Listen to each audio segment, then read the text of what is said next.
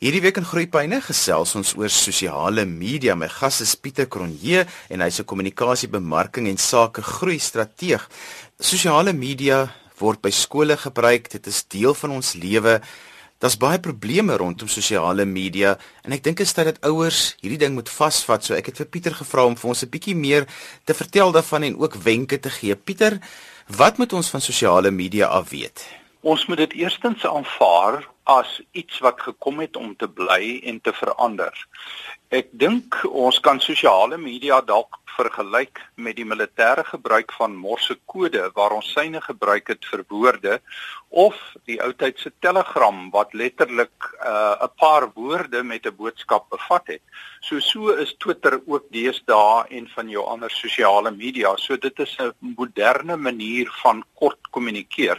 Hy het gekom om te bly. Ons moet die baba nie met die badwater weggooi nie. Daar's ook goeie elemente van sosiale media. Dit het 'n nuttige funksie om onreg aan die kaak te stel, om nuttige wenke te deel, om inspirerende uh, verhale met mekaar te deel. So dit is als aan die pluskant. Ons moet dan ook aan die negatiewe kant let op die gevare en 'n paar wenke deel oor hoe om dit sinvol te gebruik. Ons gebruik die term sosiale media elke dag, maar wat is dit presies? Wat sluit dit in?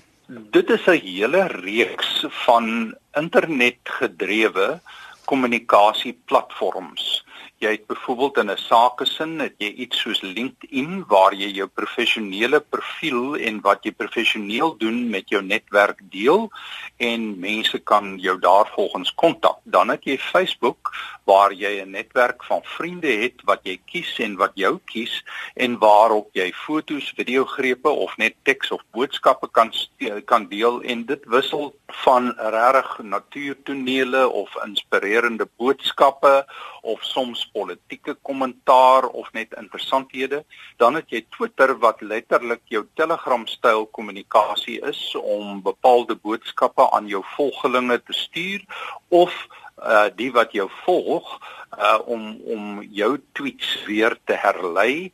Daar's natuurlik ook Instagram, daar is Pinterest en daar's nog vele ander, Foursquare wat miskien nou nie so uh daagliks gebruik word nie. Mens kan ook dink aan WhatsApp as 'n soort van 'n sosiale medium want daarop deel mense ook video's, hulle deel ook foto's en deel ook boodskappe en dit is 'n nuttige gebruiksmiddel.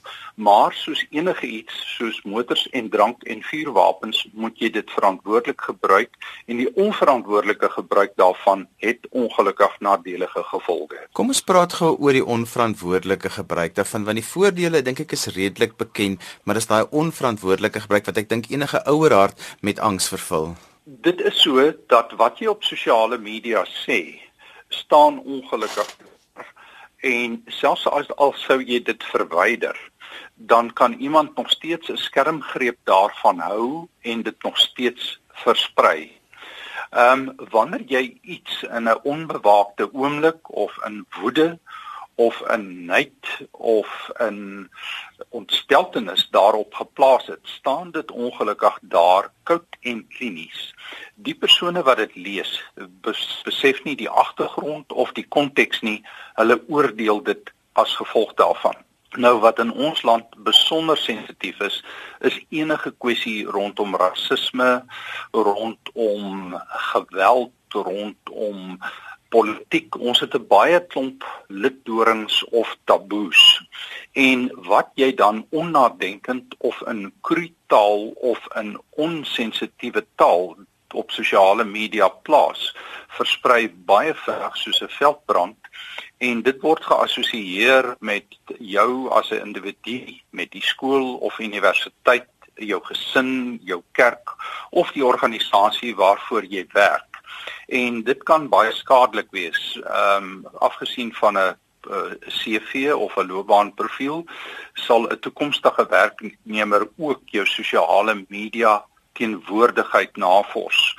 En as wat jy daar gesê het letterlik nie pas met die kultuur, die werkswyse of die waardes van jou toekomstige werkgewer nie, het jy 'n goeie kans om daai guldige werksgeleentheid mis te loop. Ons sien die laaste ruk het gereeld in die media waar mense of strafregtelik vervolg word of hulle kry reuse boetes oor iets wat hulle in 'n emosionele oomblik op sosiale media gesit het. So dit raak belangrik dat ons dit met ons kinders moet deurpraat.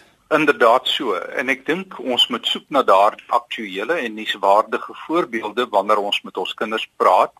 Uh dit is nie meer genoeg om net oor die gevare te waarsku of te vermaan of te preek nie.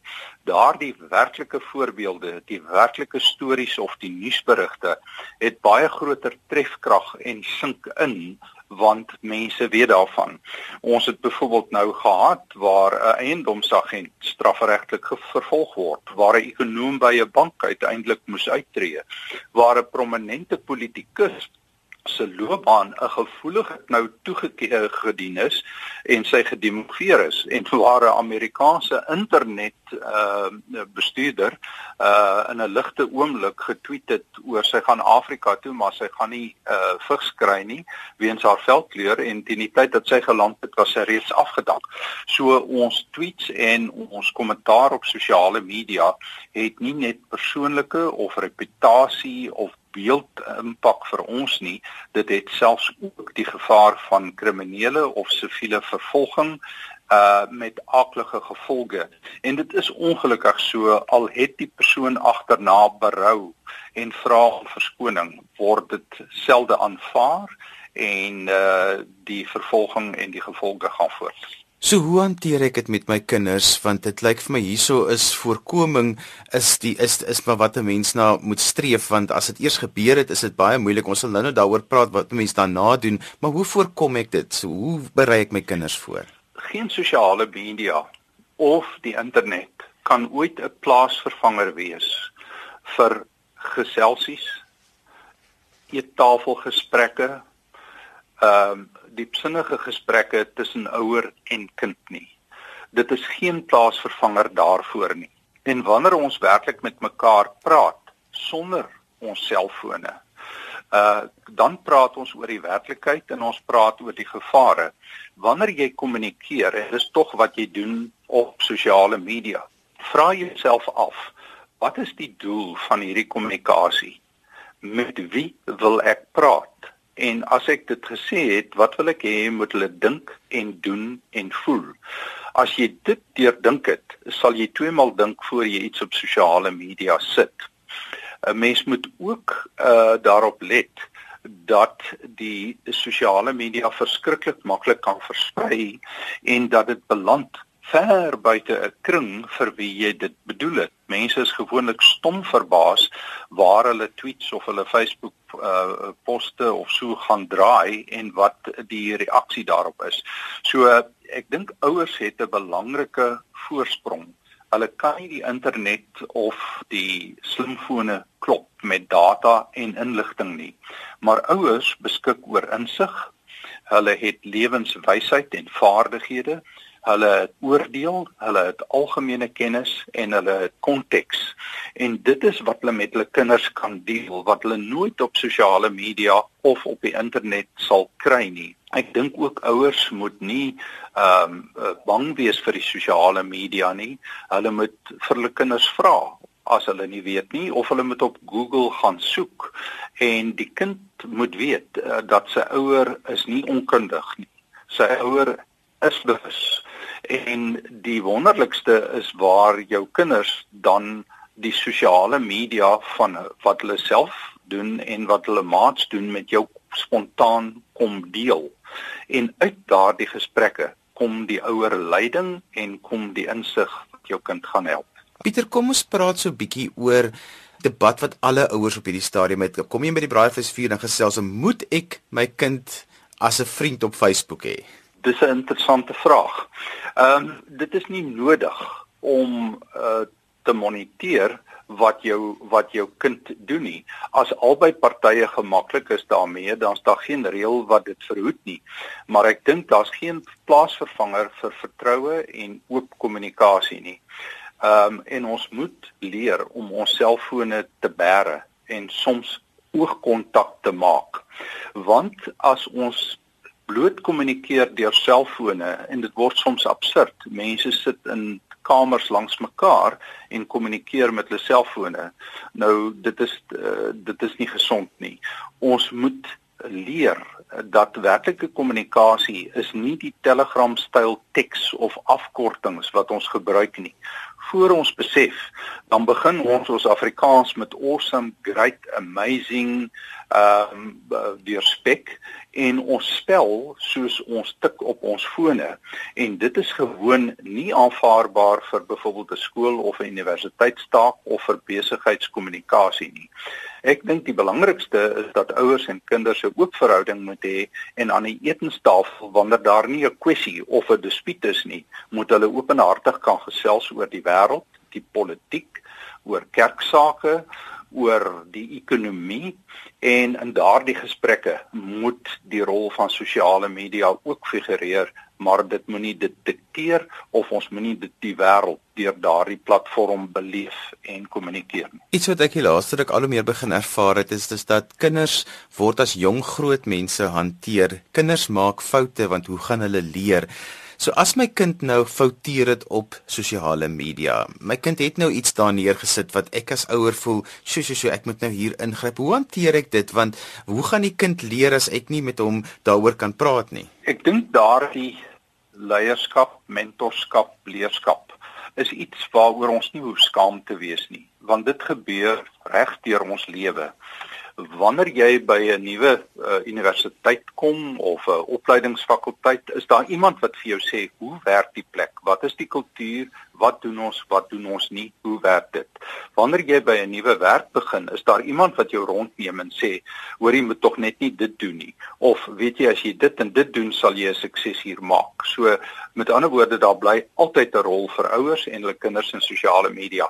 Ek dink wanneer ons 'n fout gemaak het, moet ons sê wat het uh eerstens uh dis nie altyd foute nie. Ons moet vra na 'n groot insident. Wat het reg geloop?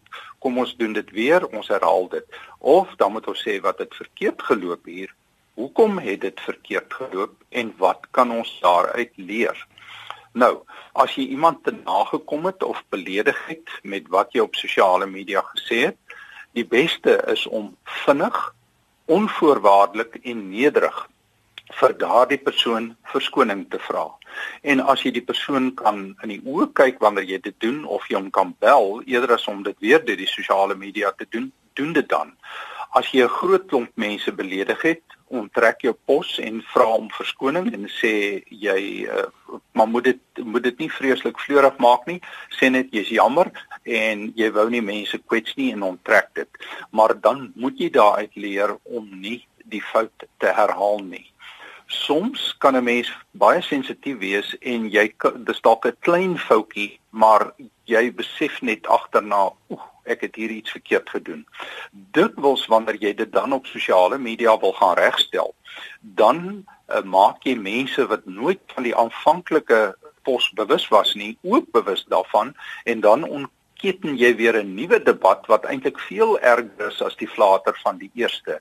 Maar ek dink dit is 'n geval van letterlik ons maak almal foute, wat het verkeerd geloop, hoekom en hoe kan ons hieruit leer volgende keer. Pieter, ek dink dit het tyd geword vir gesinne om doodseker te maak dat almal presies verstaan wat is haatspraak, wat is rasisme en wat is dit wanneer ek iemand se reg tot privaatheid skend? En ek dink dit as jy nie seker is in die gesin wat dit is, dat 'n mens 'n ekspert inkry om vir julle gesin dit te verduidelik. Dit is iets wat kerke kan doen, dis iets wat skole kan doen, want baie keer gebeur hierdie goeters in onkunde, maar na die tyd dan kan niemand onkunde meer gebruik as 'n verskoning nie, dan dink mense jy het geweet? Die wêreld is vol risiko's. Jy jy kan jouself lelik vasdraai met 'n kontrak wat jy onderteken, 'n lening wat jy aangaan en uh die die lewe van sosiale media en kommunikasie is nie verskillend nie. Uh 'n mens moet bly leer, jy moet bly waaksaam wees. Ek dink goeie advies is as jy enigsins twyfel, moet dit nie op sosiale media laai nie want as dit daar is dan kan jy dit nie weer onttrek nie en jy moet die gevolge dra. En ek dink soos ons goeie maniere leer, etiket, hoflikheid, groet, so moet ons ook leer dat sosiale media is 'n verlengstuk van onsself. Dit is nie 'n soort van 'n onpersoonlike stuk gereedskap wat ons nou maar net kan optel en gebruik en dan bær ons hom weer in die garage en daar's geen nagevolge nie. Dit is ongelukkig nie so nie en dit is so dat ons land wat 'n jong demokrasie het, uh is vol litdorings en sensitiwiteite oor waaroor ons dalk nie so sensitief voel nie, maar ons moet erken dat dit vir ander mense aanstoot kan gee, soveel so dat hulle regsaksie daaroor kan voer. En ek dink uh, dit is deel van opvoeding om te sê so tree mense op. Dit is hoflikheid, dit is respek. En ek dink as die taak in Suid-Afrika met al die politieke korrektheid en al die strikke vir ons soms 'n bietjie oorweldigend word, moet ons sê, doen elke dag wat jy kan, behandel elke medemens met respek en hoflikheid. En as jy net dit doen, gaan dit vir jou 'n baie belangrike rigsnoer in jou lewe wees in hoe jy sosiale media gebruik, hoe jy teenoor jou kollegas en vriende optree, maar ook hoe jy optree teenoor vreemdelinge. Ehm um, so dit is dalk 'n stukkie raad wat kan help. Ja, want ek baie keer dan vind ek dat ehm um, kinders sit op sosiale media wat hulle by die huis hoor en hulle besef nie wat dit was binne die konteks van die huis gesê, ehm um, die ouers se verstaan van haatspraak is nie altyd heeltemal in plek nie en dan dink die kind dit is uh, dis aanvaarbaar en dan gaan hy op sosiale media en pos iets wat hy dink eintlik dood onskuldig is. Dit is so. Ek dink dit is ook so met uh talle ander dinge in die lewe. As jy 'n rybewys het, is jy nie noodwendig al 'n bevoegde bestuurder nie.